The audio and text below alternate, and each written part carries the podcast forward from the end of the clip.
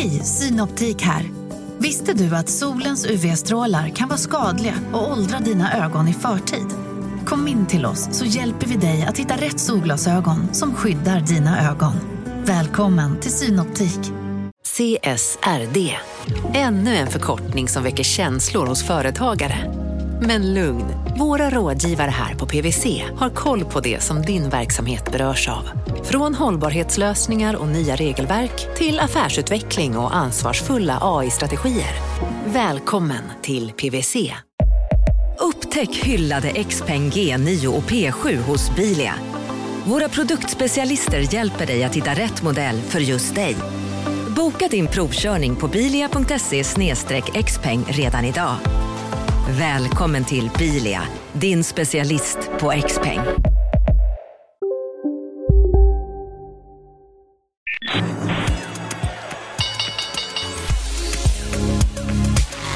Det här är Marknaden med Helene Rothstein.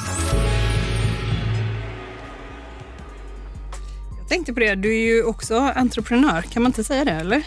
Eller tänker du på dig själv så? Ja, småföretagare. Är entreprenör det nya ordet för småföretagare? Ja, ja, ja, ja. Vad är entreprenör egentligen? Hej och hjärtligt välkommen till podden Marknaden. Jag heter Helene Rothstein och idag så sitter jag här med författaren och före detta advokaten Jens Lapidus. Och vi ska prata om status, pengar, investeringar, lite om orten och din nya bok som kommer i dagarna här. Överhuvudtaget lite om cash. Välkommen hit. Tack så mycket. Du, du är aktuell med en ny bok. Ju. Den heter Mr 1. Och jag tänkte så här, ska jag säga att jag har läst hela boken när vi ses, när jag inte har det? För jag har 70 sidor kvar. Jaha, okej. Okay. Ja, men då kan du säga det. Då har du ju i princip läst. Ja, men då tänkte jag, men då skulle det är bättre än många kan jag säga. Ja, ja, för då skulle du paja ifall du liksom, vi gick in på slutet. Ja, nej, det, det, det, är ju tråkigt att spoila allt för mycket. Ja. Men en sak som jag har tänkt på som du har gjort sedan du kom ut med Snabba Cash 2006. Det är att eh, du är väldigt vass, tycker jag, på att beskriva klass och klasskillnader. Är det något du har ansträngt dig för att bli? Ja, nej men det intresserar mig det här med klass väldigt mycket och det har nog alltid gjort det. Och eh, jag, den frågan har ju kommit lite i skymundan på senare år när integration har diskuterats mer och mer. Men egentligen hänger de ju ihop och jag skulle, man kan ju säga så här att eh, överklassen är ju liksom densamma. Den har ju inte ändrats i Sverige de senaste eh, och, och, och, de mönstren och de attributen och så har inte ändrats någonting bara för att vi har fått en ökad invandring i Sverige. Däremot kanske bilden av underklassen eller arbetarklassen har förändrats något i samband med eh, att det har kommit in nya människor i Sverige som har ofta då hamnat i underklassen. Så att egentligen tycker jag att samma frågor och samma eh, mönster fortfarande finns där och är intressant att granska och, och gestalta. Och hur har jag blivit eh, vass på det? Eh, det handlar nog om nyfikenhet, att jag alltid har antenner och en radar för de här olika identitetsmarkörerna eller olika ska säga hemliga är de ju inte, men olika signalerna som skickas ut från människor. Sen befinner jag mig privat liksom ju i har jag haft möjligheter att få inblick i, i de olika världarna. Eh, mitt arbete som advokat har gett mig en inblick i kriminellas liv och i mångt och mycket underklassen. Sen växte jag upp i ett riktigt medelklassområde utanför Stockholm som heter Gröndal där liksom alla möjliga olika typer av människor fanns i vart fall på 80-talet. Och jag, jag har nog svårt att säga något annat område i Stockholm som är mer blandat än vad Gröndal och Ekensberg där jag växte upp var.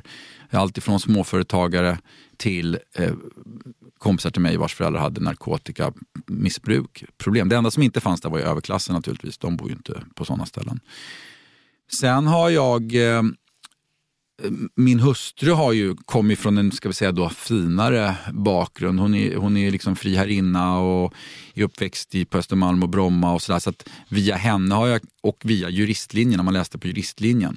För advokat och jurist är ju också ett gammalt klassiskt yrke för lite så misslyckade överklassöner. Typ då. Framförallt var det det på på 70-talet. Det var lättare att komma in på juristlinjen till exempel än att komma in på Handels och, och sådär.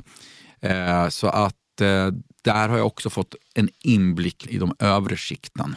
För jag tänker också, du och ditt eh, kompisgäng, när ni gick i gymnasiet så var ni, har du beskrivit dig som antistekare.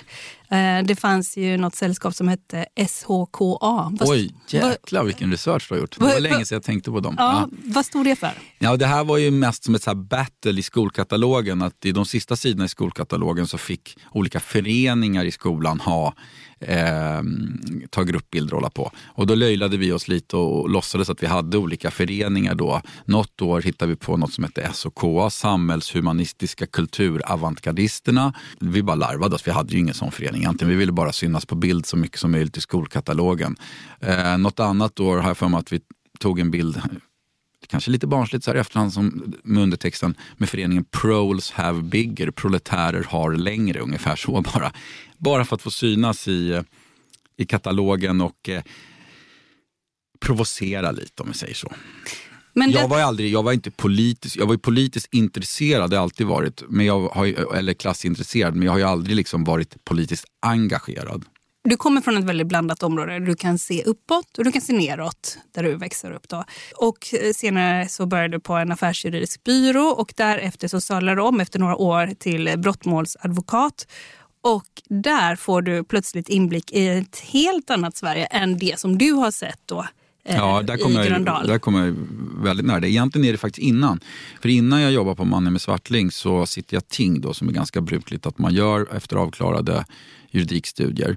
Och eh, då sitter jag i det som då hette Sollentuna tingsrätt, det heter idag Attunda tingsrätt och det är norra Stockholm. Och, eh, så det var egentligen redan då som jag fick den här, tycker jag, aha-upplevelsen att liksom som en, en dörr öppnades och jag helt fick titta rakt in i ett Sverige som jag tidigare inte hade jag, menar, jag anade ju att det fanns där naturligtvis, visst, visste jag det, men jag hade inte kommit eh, sett det i de, i de detaljerna eller gestaltats på det sättet som jag gjorde där.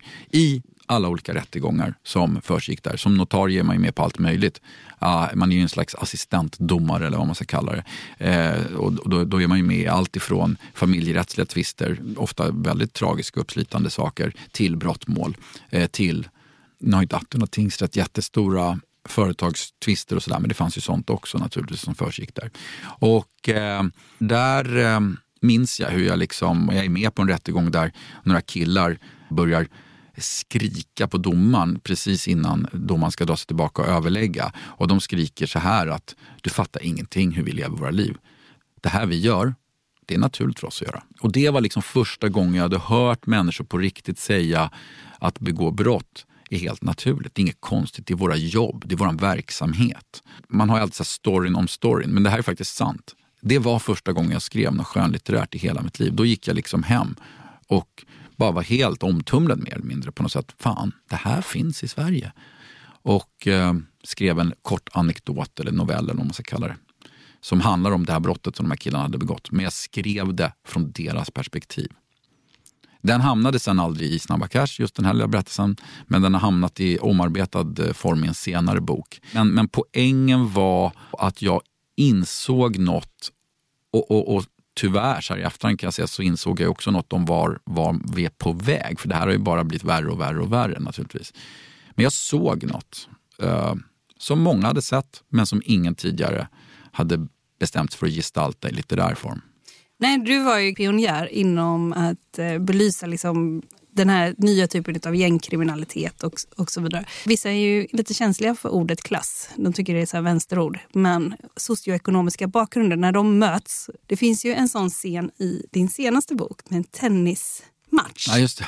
Den Det är, är kul. ganska kul. Ja, ja. Man spelar i Palma Tennisklubb då som jag har bott på Mallorca några år så det är ett riktigt hangout-ställe för eh, svenskar på ön. Ja, eh, kan du berätta lite? om det? Jag tänker att det är lite lounge-musik och det är en tennisbana lite Mm. Det är ett längre väldigt bort. fint, eh, en väldigt fin klubb som ligger faktiskt mitt i Palma kan man säga. Alltså den är omgiven av bebyggelse. Det, det, men där har man gjort det väldigt lyxigt med en uppvärmd pool. Uppvärmda pooler är ovanligt i Spanien eftersom det för det mesta är varmt ändå. Men här kan man alltså simma eh, laps året runt och sen har de några tennisbanor och sen har de en härlig lounge, som du säger, eh, lyxig restaurangdel och så här klubbdel och så. De har något gym och så här också. Det är jättefint. Det är väldigt dyrt att vara medlem där.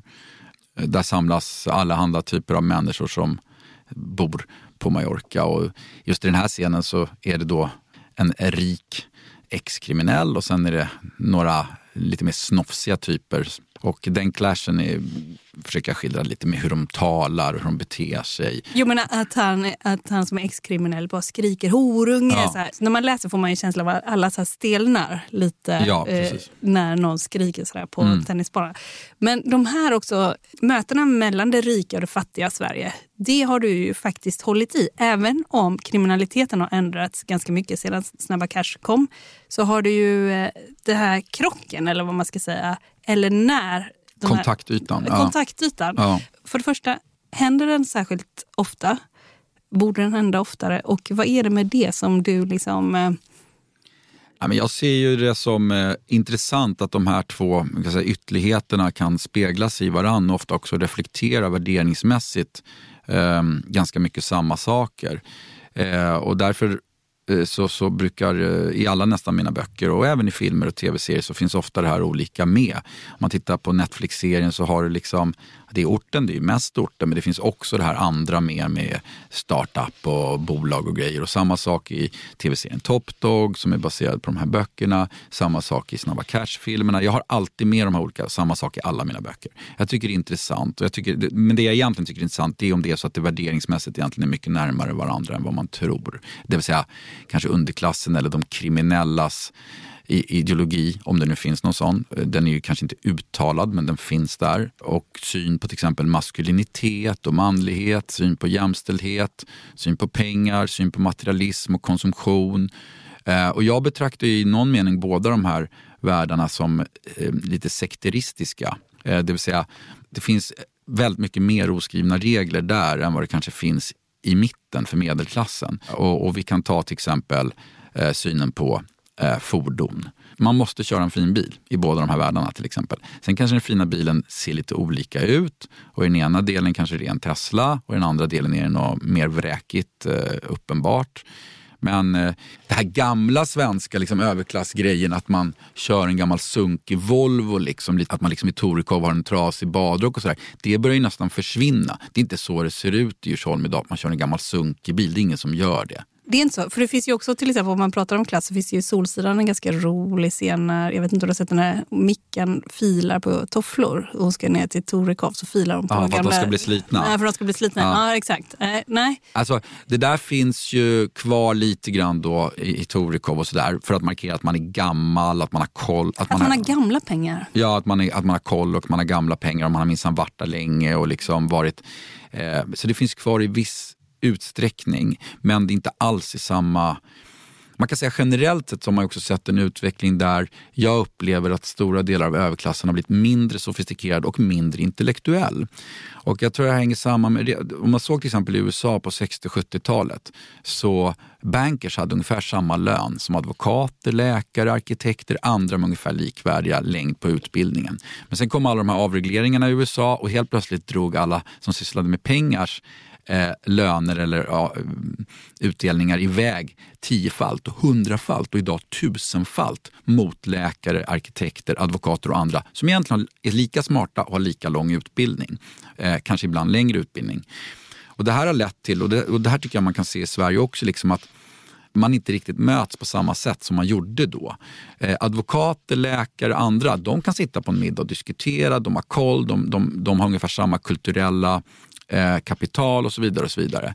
Banker som numera i Sverige då, riskkapitalister och ja, you name it, alla, alla som har blivit miljardärer, eh, de har inte nödvändigtvis det. Och de, då får de mindervärdeskomplex och då vill inte de vara med. Så de hänger mest med varann. Plus att de liv de lever på grund av de enorma ökningar i intäkter som de har haft de senaste 20-30 åren gör att det, man kan liksom inte leva samma liv. Man kan inte säga till en arkitektfamilj, kom ska ni åka till Maldiverna till oss, det kostar en miljon per familj. Liksom. Det funkar inte för en arkitektfamilj.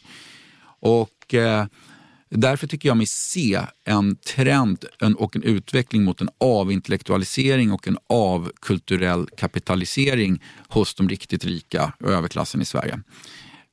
Sen kan man alltid köpa sitt kapital genom att donera till ett museum eller köpa Stanley Whitney och hänga på väggen. Men det är liksom inte det är ju inte att själv ha kulturellt kapital, det är ju att köpa sig kulturellt kapital. Är det något eh, problem med det?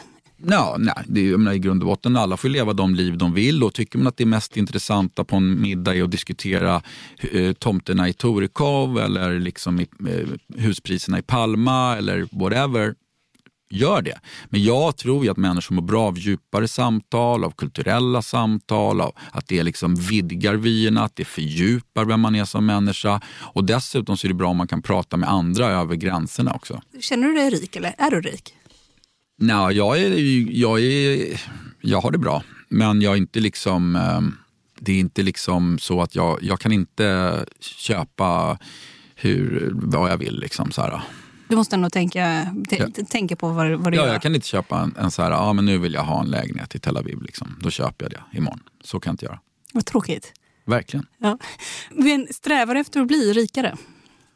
Eh, grund, min grundsträvan har inte med det att göra, men jag försöker tänka smart. Eh, till ett bra exempel på det är att jag startade ett produktionsbolag för ett och ett halvt år sedan. Då. Eh, och det handlar ju dels om att ta kontroll över mina rättigheter och min, min kreativa förmåga själv hela vägen, djupledes också. Tidigare har jag ju då bara sålt rättigheter till andra som har gjort filmer eller tv på det eller, eller ehm, ja, främst har det varit film och tv som jag har sålt rättigheter till. Då. Men nu, nu har jag tänkt så här, nej, men om jag vill kunna kontrollera hela vägen då ska jag även producera min egen film och tv. Så jag gör det här tillsammans med en kille som är producent då sedan många år tillbaka. Som var ju producent på Som har Snabba Cash. producerat eh, bland annat Snabba Cash och som har producerat en tv-serie som heter Advokaten som vi har gjort tillsammans och sådär som, som jag har lärt känna då. Han har varit jättelänge på SF Studios, Niklas heter han. Och eh, nu har han hoppat av det så gör vi det här istället. Och det är skitkul. Men det är också en ekonomisk sak. På samma sätt som jag kontrollerar mina rättigheter så ger jag heller inte bort dem till någon annan som tar massa procent och skär emellan. Utan det är mitt. För om man ger till Netflix, då försvinner rättigheterna med Netflix. Alltså, du, Nej, men det är inte riktigt så. Därför att i slutändan, vi producerar ju ändå för Netflix. Så Ja. Snabba Cash säsong 2 till exempel som vi har producerat i samarbete med SF Studios. Det är fortfarande Netflix som är vår finansiär och vår kund. Eh, det är inte där, utan det är snarare så här att istället för att jag säljer mina rättigheter till Filmlans eller SF Studios eh, Så det enda jag får betalt för är rättigheten och sen gör de med den som det behagar. Eh, och de gör en tv-serie eller en film på den. Jag har såklart massa att säga till om, men nu gör jag det här själv i mitt produktionsbolag tillsammans med Niklas. Både kontrollmässigt, kreativt och ekonomiskt eh, har jag mycket större eh, kontroll och bättre avkastning. Borde du ha gjort det här tidigare?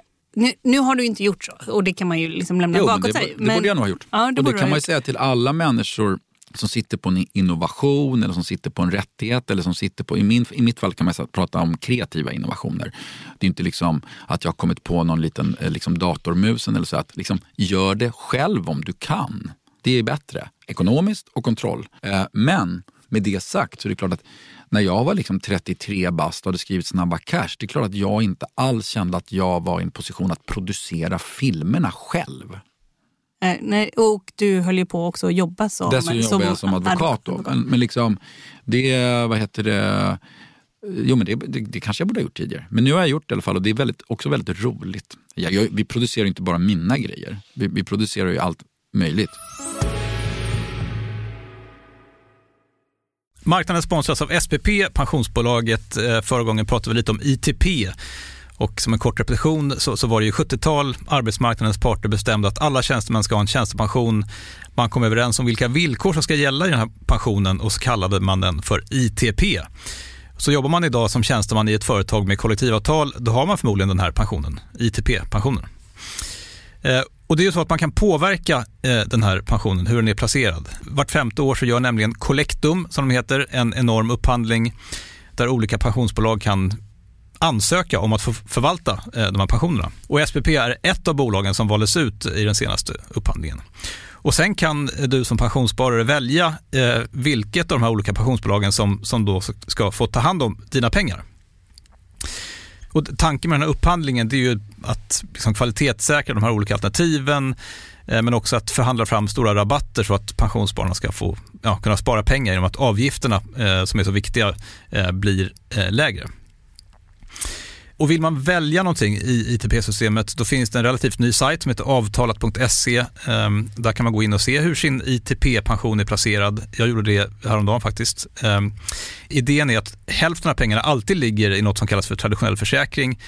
Det här gjorde vi ett avsnitt om i podden Kapitalet nyligen eh, som vi kallade världens bästa sparform. kan man lyssna på om man är intresserad. Eh, den andra halvan eh, den kan man också lägga i en traditionell försäkring eller så kan man placera det i något som kallas för fondförsäkring. Ehm, SPP som sagt eh, var ju ett av de fåtal bolagen som valdes ut i den senaste upphandlingen och de finns med som alternativ både med en traditionell försäkring och med eh, fonder.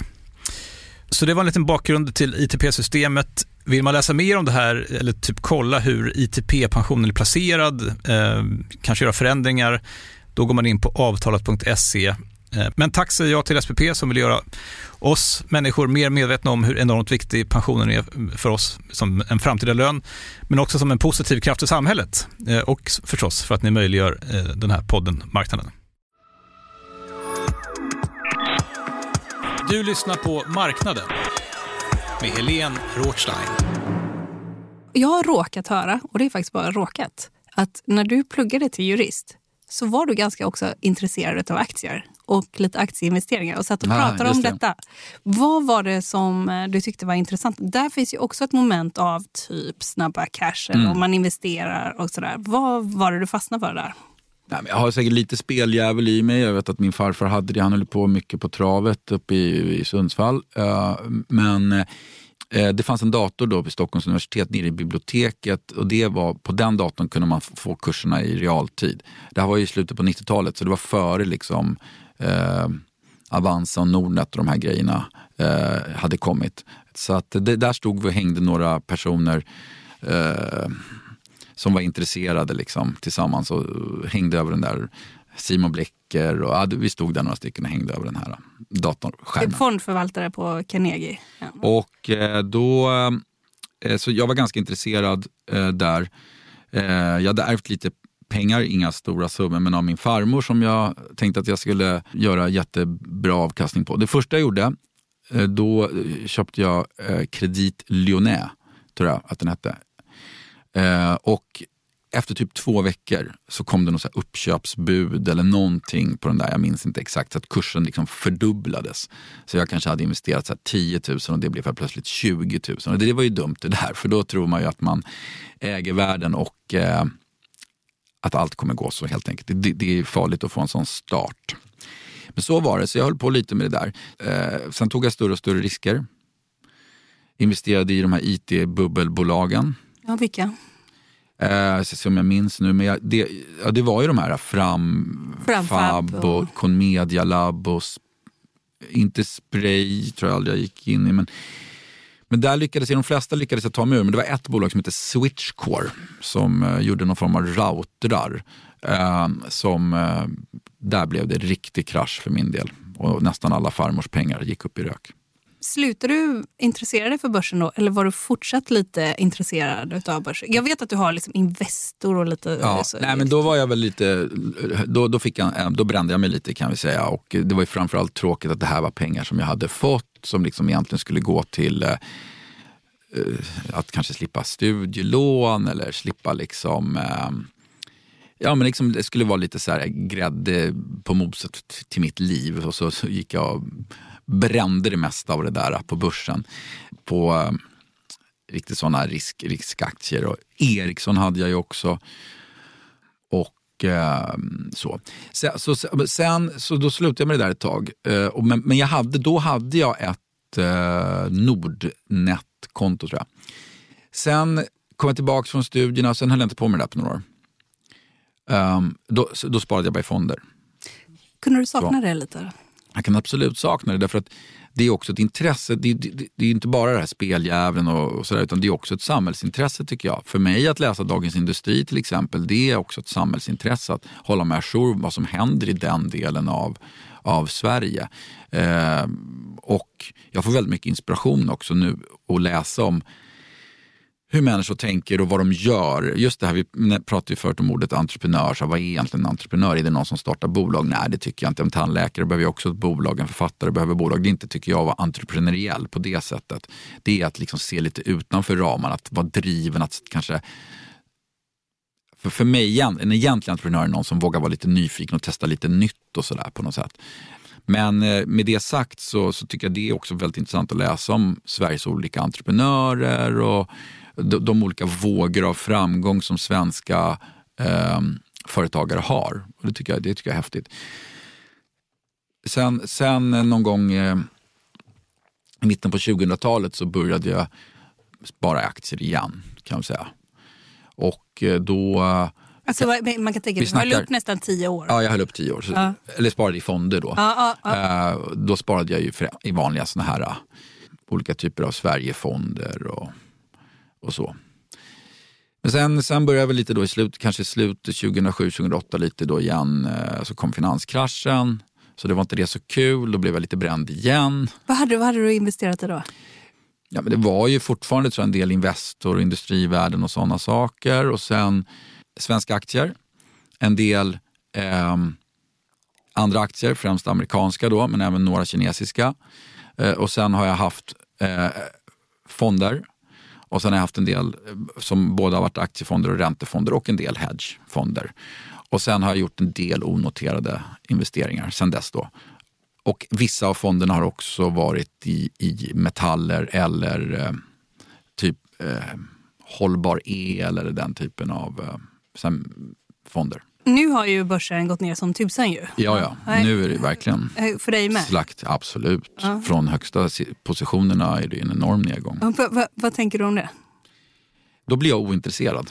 Är det så? ja, Det är väldigt vanligt tror jag. Men när det går bra då, jag, då tittar jag och håller på varje dag och pratar med mina bekanta varje dag. När det går dåligt så då märker jag intresset gå ner. Då vill jag bara liksom blunda och att det ska gå över och sitta still i båten ofta. Man kan inte alltid göra det men du sa kinesiska bolag. Ett sånt eh, som du har investerat i tidigare är Geely. Just det. Är du, ligger du kvar där? Där ligger jag kvar och där har det gått ner enormt mycket. Så att eh, jag är nog lite back där nu skulle jag säga. Det gick upp väldigt mycket också inledningsvis. Och sen vet jag, för en gång så ringde jag dig bara för att göra en check. Ett onoterat bolag som heter Epiroto. Eh, och då var det någon som sa bara, ah, Jens Lapidus han har gått in här. Och Just detta det. är ju alltså, de utvecklar ett webbverktyg som används för att analysera och värdera ekonomiska tvister. Ska man gå in Just i en tvist eller inte? Ja, men den är rätt intressant faktiskt. Det är en gammal, eh, en gammal advokatpraktikant i mig som eh, sadlade om och blev entreprenör då kan man säga, men som utnyttjar, utnyttjar sina förståelse för juridiska tvister egentligen för att ta fram ett verktyg. Det, och den, eh, jag har inte gått in, gått in så mycket där, men jag tycker den är rolig för att den är, det handlar om juridik och det är något jag kan värdera, något jag har jobbat med själv. Eh, och det är ju ofta de bästa investeringarna, tänker jag, när man faktiskt har någon form av inblick utöver vad alla andra har i någonting. Egentligen kan man säga så här, advokater är ofta väldigt bra på att eh, eh hantera juridiska tvister. Eh, vi snackar om processadvokater här naturligtvis. Eh, men de är, det är ofta ganska svårt att försöka sätta siffror på de olika utfallen, vad det faktiskt betyder för företagen. Och i slutändan är det det man bryr sig om man, om man är företagare. Det är så här, vad kan det här kosta i utfall A? Vad kan det kosta i utfall B? Vad kan vi vinna i utfall C? Och vad kan det bli i utfall D? Och det finns alltid väldigt många olika utfall för tvisterna är komplicerade. Så Epiroto då har tagit fram ett slags verktyg. Det är inte en AI. Det krävs fortfarande mänskliga advokater som sätter, hanterar programmet, som förstår de juridiska riskerna i tvisten. Men eh, med hjälp av jurister så kan man då få fram en väldigt tydliggöra på väldigt, väldigt bra beslutsunderlag för hur man ska gå vidare och hantera tvister. Och eh, investerar du i andra onoterat? Det var ju något så här munvårdsbolag vet jag. Ja, ett munvårdsbolag. Ja, precis. Munvårdsbolag som gör, det är också kul. Ja, de går bra faktiskt. Men de, de gör kan man säga lyxig design, oral care som, vi, som de ja. vill kalla det. Eh, tandkräm, munvatten, munsprayer, olika saker som Eh, lite, lite samma grej som hände med, med pumptvålarna för tio år sedan eller någonting. När vi gick från att alla hade en vanlig Dove hemma till att alla hade Byredo eller eh, de där. Tänkte på det när jag Ser såg... vackert ut i badrummet ja, helt enkelt. Ja, ja precis. Jag, jag, tänkte på det när jag såg det här företaget. Vad mm. fasen heter de? Eh, de heter Cellatin. Ja, ja just det. Mm. Att det är så ovanligt att det, så, att det ser lyxigt ut med tandvårdsprodukter. Ja, nej, men det, det är väl det de har identifierat kan man säga, enkelt ja. uttryckt. Ja. Eh, vi renoverar våra badrum ja. och våra gästtoaletter. De ser väldigt vackra ut. Vi sätter in olika fina material. Vi har en liten eh, fin pumptvål som står där och vi har eh, andra vackra föremål, och luktljus eller något. Men tandkrämstuberna och tandborstarna och det där, det ser ut som skit och det står framme. Och det är lite konstigt att det fortfarande är på det sättet. Så att det här, men plus att det är en bra tandkräm liksom, som, som uppfyller alla tandvårdsmässiga eh, nivåer för att vara en väldigt, väldigt bra tandkräm för tänderna. Har du någon som hjälper dig med placeringen? Ja, jag har en bank. En, eh, det är inte Carnegie, men någon nej, annan nej, liknande? Det är, nej, det är SEB. Liksom, deras, ja. så, här. Eh, så det är inga, inga konstigheter. Blir man då uppvaktad mycket? Vill du gå in i det här projektet? Vill du gå in i det här projektet? Eller hur fungerar det? Eh, inte så mycket tycker jag. Eh, jag har inte så eh, mycket pengar att jag kan gå in i så många olika onoterade i och med att pengarna blir så väldigt låsta där och man ska egentligen se dem som borta tycker jag. De, de grejer jag har gjort, det har varit mycket mer. Jag, jag, jag kanske via olika kontakter eller nätverk har eh, blivit intresserad av något. Om man ser till investeringar, vilken är din bästa som du har gjort? Alltså allt, du får räkna med allt i livet. Min bästa investering det är att skriva böcker och lägga den, investera tiden i att skriva böcker. Ja. Men om vi ska prata lite mer eh, eh, restriktiv, begreppet investering i lite mer restriktiv bemärkelse. Apple har varit enormt framgångsrikt för mig. Eh, har, har eh, ju kvar en hel del Apple men har också sålt av. Eh, och det har ju varit, eh, vet inte hur många hundratals procent, men det är klart att den, den har, har man varit med ett tag i Apple så är det en enorm eh, resa. Så den, den eh, är kanske en av de bästa, skulle jag säga. Lä lägenheter eh, har ju också varit lite som börsen. Det har ju liksom inte gått att misslyckas i Stockholms innerstad. Har man köpt en lägenhet så har det ju tickat på med 10% eller något plus minus. Samtidigt har ju allt omkring blivit dyrare så det är inte så att jag känner liksom att wow, nu kan jag köpa ett slott. För att i takt med att familjen växer måste man ha större och då har marknaden större. Så det har alltid varit att jag har bara sålt lägenheter två gånger men varje gång har jag köpt något större som har varit ännu dyrare eftersom marknaden har gått så i Stockholm. Så så länge man håller sig på samma marknad eh, så tycker inte jag att det där märks så mycket. Känner du dig ekonomiskt trygg? Ja, mycket. Alltså du känner så här, du behöver inte egentligen skriva en rad till. Du behöver inte jobba. Skulle bli uttråkad. Men eh, jo, men jag, jag, jag, vill inte säga att jag inte behöver jobba. Jag, jag, tycker att jag behöver det för jag vet inte vad framtiden innehåller. Och, eh, jag, menar, jag har barn, tre barn så att eh, jag absolut, jag är inte det beror på vad man lägger i begreppet ekonomiskt oberoende. Om det bara handlar om en själv eller om det handlar om att kunna hjälpa sina barn framåt också. Sådär.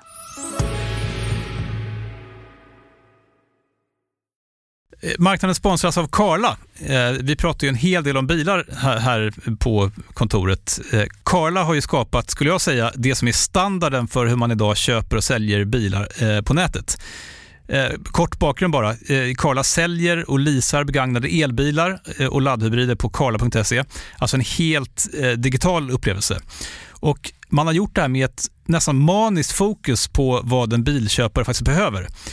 Jag gjorde ju en intervju med en av grundarna, Patrik Illerstig, i marknaden här eh, ganska nyligen, eh, daterad 25 mars, om man vill lyssna på den Eh, men där berättar han hur de kom in i det här lite från vänster för att försöka uppfinna hela den här liksom bilköpupplevelsen från början. Och de har idag, vilket är rätt otroligt, 4,8 i betyg eh, på Trustpilot. Jag, jag har sett många företagssidor på Trustpilot, men det här är nog bland eh, det bästa jag någonsin sett faktiskt. Man kan sälja bilen till Karla också. Eh, då går man in på karla.se, delar lite info om bilen, sen får man en gratis värdering och ett bud de hämtar bilen helt gratis i hela Sverige och så har man pengarna på kontot i samma stund som de hämtar bilen. Det är grymt. Eh, så ska du köpa en ny bil eller sälja din gamla, eller båda delar för den delen, gå in på karla.se och eh, kolla. Alltså karla.se och Karla stavas med C. Tack så mycket till Karla. Du lyssnar på Marknaden med Helene Rothstein. Vi ska lyssna på några frågor som jag har fått inskickat till mig. Konto. Spännande. Ja, Ja. Det finns ett konto som heter Orten Sverige. Jag vet inte om du följer det.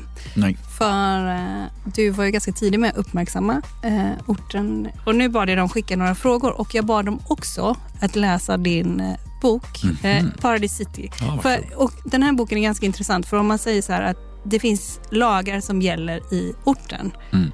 I den här boken. Och man kan väl säga att man har resignerat i Sverige, precis som eh, Christiania finns i Mm. Just det. Köpenhamn. Just det. Att det finns liksom ett litet område där det gäller vissa lagar. Ja. Eh, så har du då experimenterat med vad händer ifall vi gör så här Just det. Ja, det, är en, det är en dystopi men inte, inte jättemånga år fram i tiden. Då. Nej, precis. Nu ska vi se här. Jag har... eh, De kommer här. Med all övervakning, fria visitationszoner som diskuteras mycket inom svensk politik och, och, och i Sverige. Ser du att vi i Sverige kommer gå mot liknelser som finns i boken Paradise City och vilka i så fall? Jag tror att vi kommer få visitationszoner i Sverige. Nu ska man komma ihåg att det här är nog någonting som eh, den regeringen som håller på att bildas eh, inspireras av Danmark. Och givet att det blir i Sverige som i Danmark så är- tror jag många har missuppfattat vad en visitationszon är. Det är alltså inget permanent tillstånd för polis att visitera människor hur som helst. Utan det man har i Danmark det är att om en konflikt uppstår i ett område, om risken för våld är förhöjd eller risken för användning av framförallt skjutvapen är förhöjd så får man under en månads tid då på ett begränsat område som eh, ledningen måste besluta om, eh, på vissa, följa vissa processer i det beslutet, eh, får man visitera utan konkret brottsmisstanke. Man kan också förlänga detta en månad till men det är alltså inget så här att man säger det här området här får man alltid visitera folk. Så det är ju en exempel på en lag som helt enkelt väljer ut ändå ett visst område där andra regler gäller som liknar då helt enkelt min bok som jag tror att vi faktiskt kommer få i Sverige. Med all negativ utveckling som sker i våra förorter där exempelvis rivaliserade gäng skjuter ner varandra och nästan agerar lite hänsynslöst mot omgivningen, staten och lagarna. Eh, nästan som ett område som har sina egna lagar eh, som du skildrar lite i din bok. Eh, hur tror du att vi inte kommer till en punkt där vi ser detta växa och bli mer cementerat i vårt samhälle än vad det redan är? I min bok så har det svenska samhället resignerat inför kriminaliteten och våldet och sagt att vi kan inte hantera det här så vi gör egna lagar för de här områdena och i förlängningen bygger in de här områdena bakom stängsel och murar så att problemen inte ska läcka ut till resten av samhället. Men vi kan inte göra något åt problemen där inne. Det är liksom grundpremissen för min bok Paradise City. Eh, jag tror inte vi kommer hamna där i verkligheten.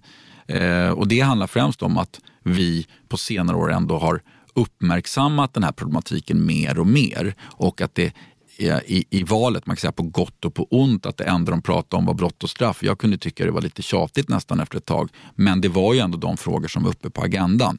Det här betyder att politikerna de har olika sätt att se på det, jag håller inte alltid med om de eh, olika varianterna, men eh, de brottas med det här problemet och därför tror jag att, vi, att man kommer kunna pressa tillbaka det. Men det kommer ta 10 år, 15 år. Bara tillbaka till klass också. för Jag pratade med Ali Esbati. Eh, och han sa att han tyckte att frågan kring brott och straff och sådär, det skymmer väldigt många ekonomiska frågor och, eko, liksom, och ojämlikheter och sådär i samhället. Har du någon take på det? Ja, nej, men som jag sa lite inledningsvis här, eller som jag sa då, så till exempel frågan om klass eller den här typen av ekonomisk ojämlikhet, den pratar man inte så mycket om längre, utan vi har pratat istället om, om brott och straff. Båda frågorna är viktiga att diskutera, men det, det är synd om det ena skymmer det andra. Jag tror att eh, om man tittar på vad många människor berörs av så är de ekonomiska frågeställningarna och ekonomisk ojämlikhet och ökande klyftor något som egentligen berör många, många fler.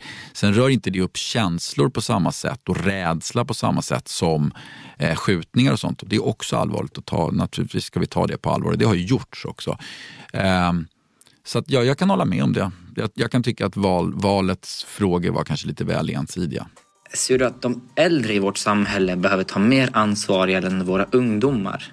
Eh, då kan det vara äldre som har gjort knasigheter, som har suttit inne, som har gått den hårda vägen men sen liksom vänt. Eh, att de behöver ta plats. Eh, och visa de ungdomarna vad som är rätt och vad som är fel så att man inte hamnar i de här dåliga och, och, och kriminella banorna. Mitt svar på frågan är ja, bara egentligen. Men om jag ändå ska utveckla det lite så eh, så tror jag absolut att förebilder är extremt viktigt. Jag tror att ofta kan det vara det som saknas för vissa av de här eh, kriminella killarna. Det är så här att när jag tittar på dels gamla klienter, när jag tittar på eh, det som händer nu och min, min, min inblick i det här men också tittar på statistik och undersökningar och så som har gjorts eh, så kan man konstatera att eh, det handlar inte särskilt mycket om uppgörelser mellan olika gäng om knarkpengar eller territorier. Det är inte den typen av frågor som skjutningarna rör. Utan det rör väldigt ofta personliga konflikter på individnivå. Någon har blivit kränkt av någon annan för någonting.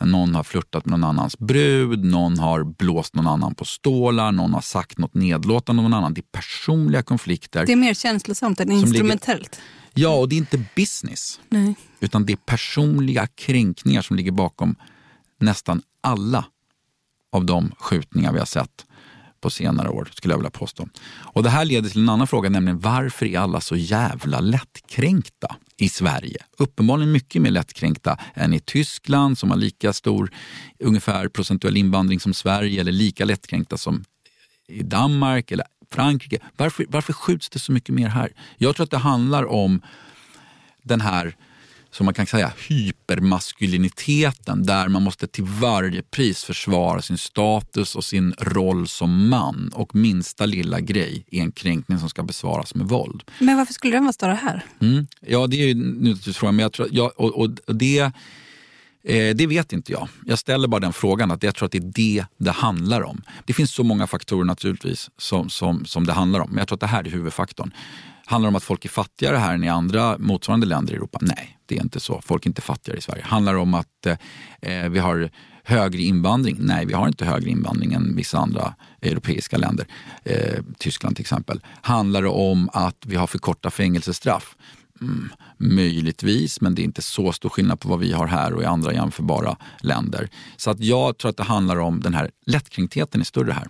Och eh, där, för att besvara den här frågan med ett väldigt långt svar, eh, kommer förebilder in. Om vi kan ge manliga förebilder till de här killarna eh, män som är män i traditionell mening, som, vis, som kan stå för massa sådana traditionella maskulinitetsideal, män som är schyssta ändå som är trygga, som inte blir så jävla nerviga och kränkta hela tiden. Det, det tror jag skulle kunna ge någonting. När jag pratade med din gamla kollega Johan Eriksson på Försvarsadvokaterna så eh, beskrev han dig som en väldigt bra advokat faktiskt. Eh, brottmålsadvokat som sa att eh, det här står också med fötterna på rätta, liksom, i rätta myllan. Eh, för det har ju också varit att massa advokater har blivit fällda för eh, att ha varit oetiska som företräder gängkriminella och sådär. Och man måste liksom ha en viss integritet. Men så pratar vi också om vad som har hänt sedan du kom ut med Snabba Cash. Och han sa det som har hänt är ju att folk har blivit yngre och det har blivit farligare. Skulle du säga något annat eh, har hänt? Uh, för advokaterna är, är, är det så och för de uh, klienterna är det så. Nej men Johan och jag den byrån vi, vi, hade tillsammans och som jag ju började på innan jag var delägare också. Så där, därifrån har ju aldrig någon blivit dömd av Advokatsamfundet eller sådär. Nej. Så där, Nej. där hade vi en ganska, skulle jag säga, där, där skolades man väldigt tydligt in, så att säga, Johan är ju äldre än jag, så av Johan och av andra som var där skolades jag väldigt tydligt in i, eh, i just det som Eh, jag tror vi tyvärr ser en brist på idag, nämligen att de advokatetiska reglerna är heliga och eh, eh, den främsta plikten är att vara lojal med klienten. Men sen finns det en massa andra plikter också. Får inte ljuga för rätten och, och så vidare. Och så vidare. Och, och inser man inte att det där är hela tiden en intresseavvägning och hamnar man i en konflikt så måste man avsäga sig ärendet. Det går liksom inte att, att hålla på eh, och i längden visar det sig så funkar det ju inte. De blir ju avslöjade till slut, de här lallarna som håller på. Men vad skulle jag säga, att folk har blivit yngre? Ja, det kan man säga. Våldet har krypit ner och det har blivit dödligare. Men det är egentligen bara två symptom som beskrivs. Det jag vill komma åt är anledningen, alltså sjukdomens faktiska anledning. Och där menar jag att det främsta av dessa anledningar är en hypermaskulinitet som råder i Sverige mer än i andra länder. Alltså en lättkränkthet som är kopplad till synen på vad en man ska vara. Vad vill du att en 17-årig grabb från orten tar med sig från att läsa din litteratur? Och då syftar jag främst på Paradise City, men du får gärna ge inspel på annat, eh, om det är filmer eller böcker. Eh, en 17-årig grabb från orten tror jag, eh, dels beroende på lite vad, vad denna 17-åring eh, pysslar med, Eh, kan ta till sig att även de här killarna runt omkring som begår massa grova brott och, och så, att de också är människor och liksom egentligen också har drömmar och också är hela individer som, som eh, förtjänar att bemötas som det. Eller om eh, vår 17-åring håller på själv, eh, att det inte går så bra särskilt ofta. För i många av mina böcker så tar folk skada eller det går åt helvete helt enkelt. Det är också svårt att komma, komma loss. Mycket. Det är mycket som drar en tillbaka. Såklart. Och det är många stängda dörrar som gör att det inte är så lätt att bara kliva ur. Eh, så att det, det här är ju såklart eh, som att lämna en sekt. Jag var inne på det lite innan, att jag kan se likheter mellan överklassen och eh, kriminella eller underklassen. Att det, liksom det som sekter, det går inte bara att lämna hur som helst. Då, då, då blir du väldigt vilsen dina vänner, eh, allt det du kan, all den status du hade är noll värd kanske utanför. Men det är också svårt att bli fri eh, om man inte eh, bryter. Ofta när man såg, eh, eh, hade, ofta om jag hade unga klienter som började liksom med småbrottslighet och man såg att det här kan öka. Enda gångerna, och ibland var föräldrarna med i början när de var unga fortfarande och, och sådär. Och nästan enda gångerna det verkligen gick att bryta det, det var om man lämnade stan. Och så har jag en bonusfråga här. Eh, det är gällande Einar. Eh, det är ju en artist som vi har postat på under kanske fyra, fem års tid. Eh, en artist som vi har följt väldigt mycket och som vi vet inspirerar väldigt många. Eh, Ser du på något sätt att man hade kunnat gjort någonting annorlunda? Allt från medierapportering till förebilder till eh, content på nätet, sociala medier, musik och så vidare.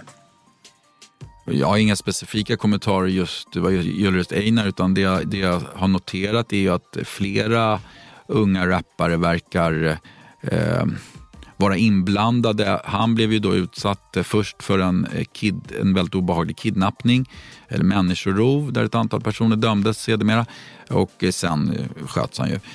Huruvida han själv var inblandad i, i någon form av kriminell verksamhet, det har jag ingen aning om. Det jag däremot noterar är ju den här gangsterrap-trenden som han ändå var en del av, där man rappar om våldsamheter, om narkotika och så vidare. och så vidare eh, så ser man ju eh, tydligt hur flera av de rapparna själva är inblandade i, i kriminalitet och blir dömda också. Och det eh, är problematiskt. och det är inte jag den första att påpeka, men vi har haft de här diskussionerna om huruvida public service, P3 till exempel, ska dela ut priser och nominera och sådär folk som inte bara sjunger om brott utan själva begår samma brott så att säga. Eh, jag har fått frågan ibland om eh, vad är det för skillnad på mig och det jag gör och gangsterrapparna? Och eh, det är där jag tycker framförallt den stora skillnaden ligger. Att eh, eh, det är en väldig skillnad att skildra och gestalta kriminalitet eller kriminella människor eller hur de tänker.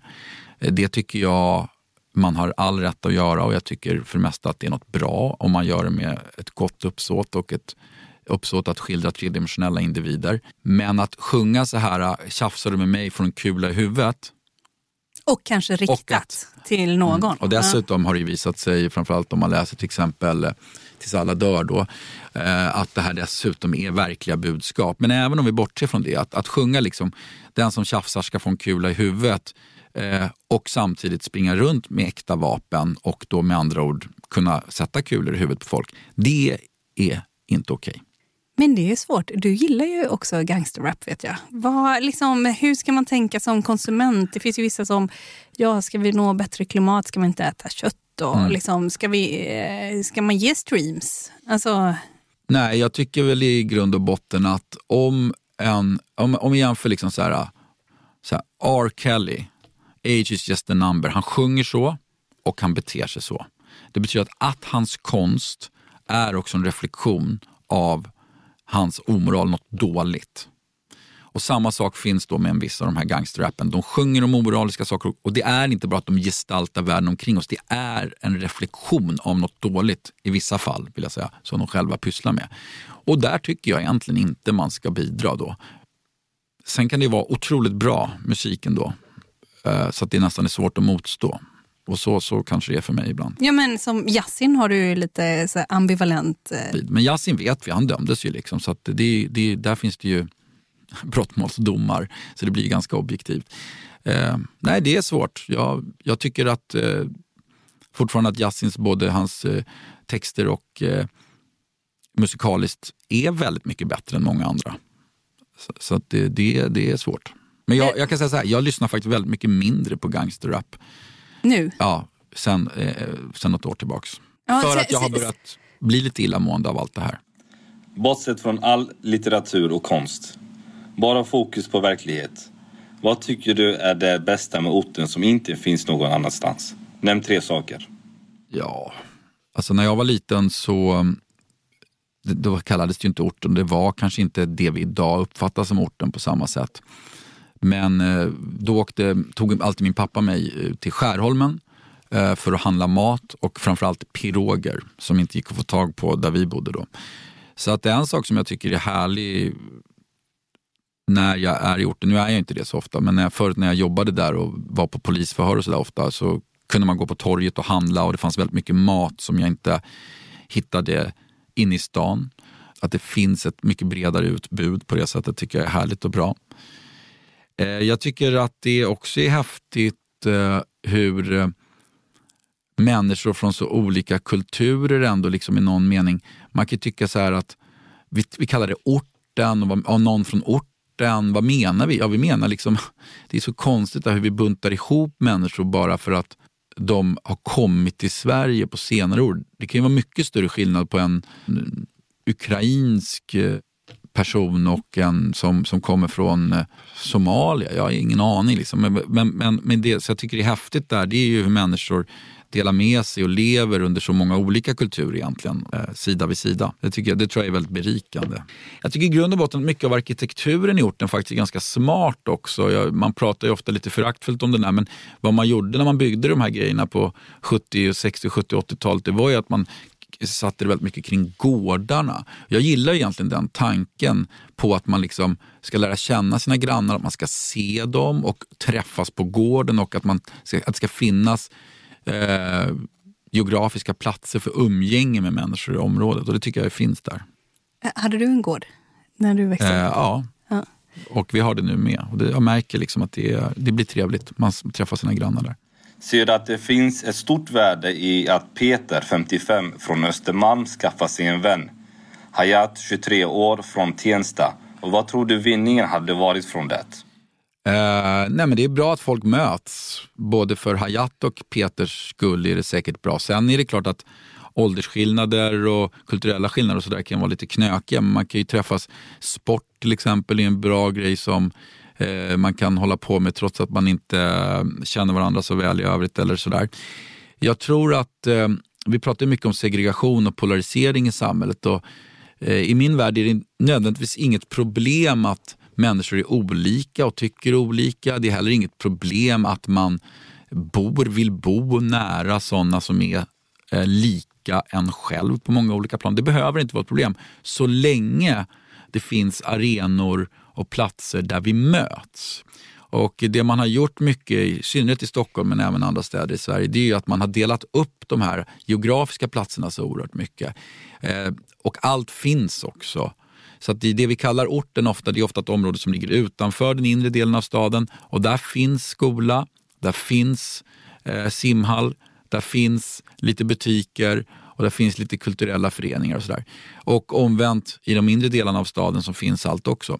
Och det här gör att människor behöver aldrig röra sig genom varandras delar för att träffa varandra. Om man jämför då till exempel med New York som är ett bra exempel så har vi också olika områden där människor bor Du har liksom eh, Eh, latinamerikanska områden, det finns Little Italy, det finns ultraortodoxt judiska områden och sådär. Så bor man med de som är lite lika en själv. Men arkitekturen i New York är gjord på det sättet att ska du ta dig någonstans så måste du åka igenom de andra områdena. Och det här gör att New York blir en mycket rörligare stad hur människor möts och ses än till exempel Stockholm. Får jag bara fråga som en sista grej här, som du har varit inne på lite. I din senaste bok så ser man en polis som går över gränsen och för att eh, liksom, komma åt brottsligheten. Och i den Paradise City mm. så ser man ju hur eh, lag, eller, samhället, lagstiftarna har gått över gränsen för att motverka eh, brottslighet och så.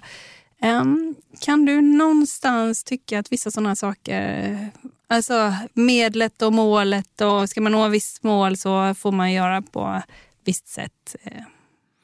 Ja, men det är alltid en avvägning. Eh, och eh, så, så det tycker jag naturligtvis. I juridiken är det alltid en avvägning. Vi har personintegritet, vi har privatlivets helgd, vi har rättssäkerhet som ligger i den ena vågskålen.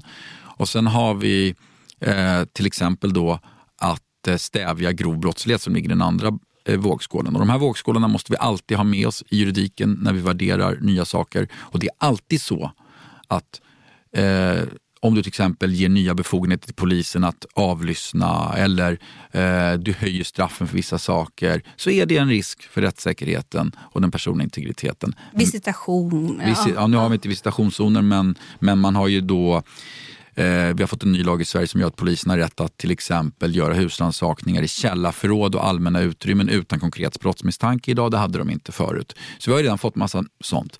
Eh, och eh, det är alltid en sån avvägning och egentligen, om man ska säga det på ett mer jesuitiskt sätt som du just sa, så är det så här ändamålen helgar medlen i, i, i den avvägningen. Lite grann och därför väljer vi att göra så. Men advokater, alltså som din roll som advokat, de bromsar ofta det här. Ja, därför att eh, i alla fall försvarsadvokater då, som jag har varit främst verksam, eh, de, deras uppgift är ju i rättssalen men även skulle jag säga i samhällsdebatten i någon mening att just lyfta fram frågor om rättssäkerhet. Eh, för att eh, Dels ser de hur snett det kan gå om vi inte har rättssäkerhetsgarantier och de skyddsregler som rättssäkerheten innebär. Jag kan ta några exempel på vad det är. Det är väldigt enkelt. Ingen ska dömas utan möjligheten att få försvara sig. Ingen ska dömas utan att det finns tillräckliga bevis. Ingen ska dömas utan att få ta del av det material som riktas emot den. Det här är saker som finns i Europakonventionen om mänskliga rättigheter, artikel 6 om fair trial. Och det är det vi har som bas i Sverige för vår diskussion om rättssäkerhet. Samtidigt har det kommit politiska förslag i den senaste valdebatten till exempel att om du gör någonting så kan faktiskt din mamma också eh, straffas för mm. något som du har gjort. Mm. Och vi har redan det när det gäller skadestånd till exempel för unga personer så kan det bli föräldrarna som får betala. Tycker du, liksom, så, kan det gå lite mer åt det hållet? Åt målet-hållet? Ja, ja, precis. Åt målet. Och har du ändrat dig sen du var försvarsadvokat lite grann? Lite grann har jag gjort det. Och det, och det handlar dels om att som försvarsadvokat så inklädde man sig i en roll av eh, rättssäkerhetens försvar och man tittar helt på den frågan och står på den vågskålen mest. så att säga. Och det tycker jag är helt rätt och riktigt. Och eh, nu, nu har jag lämnat den rollen sedan ganska många år tillbaka så den, det tänket kanske börjar blekna lite i mig. Men fortfarande viktigt att ha kvar, alltid ha kvar båda vågskålarna. Men den börjar ändå blekna lite? Ja men alltså, ja. ja alltså för, inuti, om man säger, inte ja, bara som roll? Nej, så är det. Det börjar blekna lite inuti. Men, men samhället har också förändrats sedan de fem och ett halvt år som jag slutade som advokat. Eh, då hade vi börjat se lite fröet till de här grova skjutningarna. Det hade inte riktigt kommit igång kanske så som det är idag. Så jag tycker att problembilden har också ökat, vilket ju ökar trycket på lösningar. En fråga från eh, Johan Eriksson som jag ville jag skulle skicka till dig. Det var, kommer du inte komma tillbaka som försvarsadvokat? Han säger alltid så Johan. Jag älskar det jobbet. Det är ett spännande jobb. Det är ett viktigt jobb.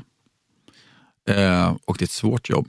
Och det är ett intellektuellt väldigt stimulerande jobb. Jag tror att man eh, fördröjer sin eh, Alzheimer eller demens med många, många år om man jobbar som eh, brottmålsadvokat. Men jag tror inte jag kommer göra det. Jag har för bekvämt liv just nu. Om du skulle se på dig själv när du var med i SHKA som ung, alltså samhällshumanistiska kultur avantgardisterna. Mm. Som inte fanns på riktigt i och för sig, men Nej, var ändå men kul. I opposition till stekarna. Ja. Hur skulle du betrakta dig själv så som du har blivit nu? Eh, nej men jag har blivit 30% stekare skulle jag säga. Jag bor på Östermalm till exempel, vilket fortfarande känns väldigt främmande identitetsmässigt. Gör det? Men, men långsamt börjar jag vänja mig. Ja. Ja, men det gör jag. Jag, jag, jag har ju bott på Söder i, innan i, och Mallorca, men främst Söder i egentligen mitt vuxna liv. Och eh, det är ju slående visuellt skulle jag säga hur stor skillnad det faktiskt är. Man tänker så här, vadå, det är Stockholms innerstad och visst det är lite dyrare per kvadrat på Östermalm än Söder, men herregud, det är liksom ungefär samma. No way! Alltså går man på gatan på Söder och går på gatan på Östermalm, det är ju två olika länder alltså, tycker jag.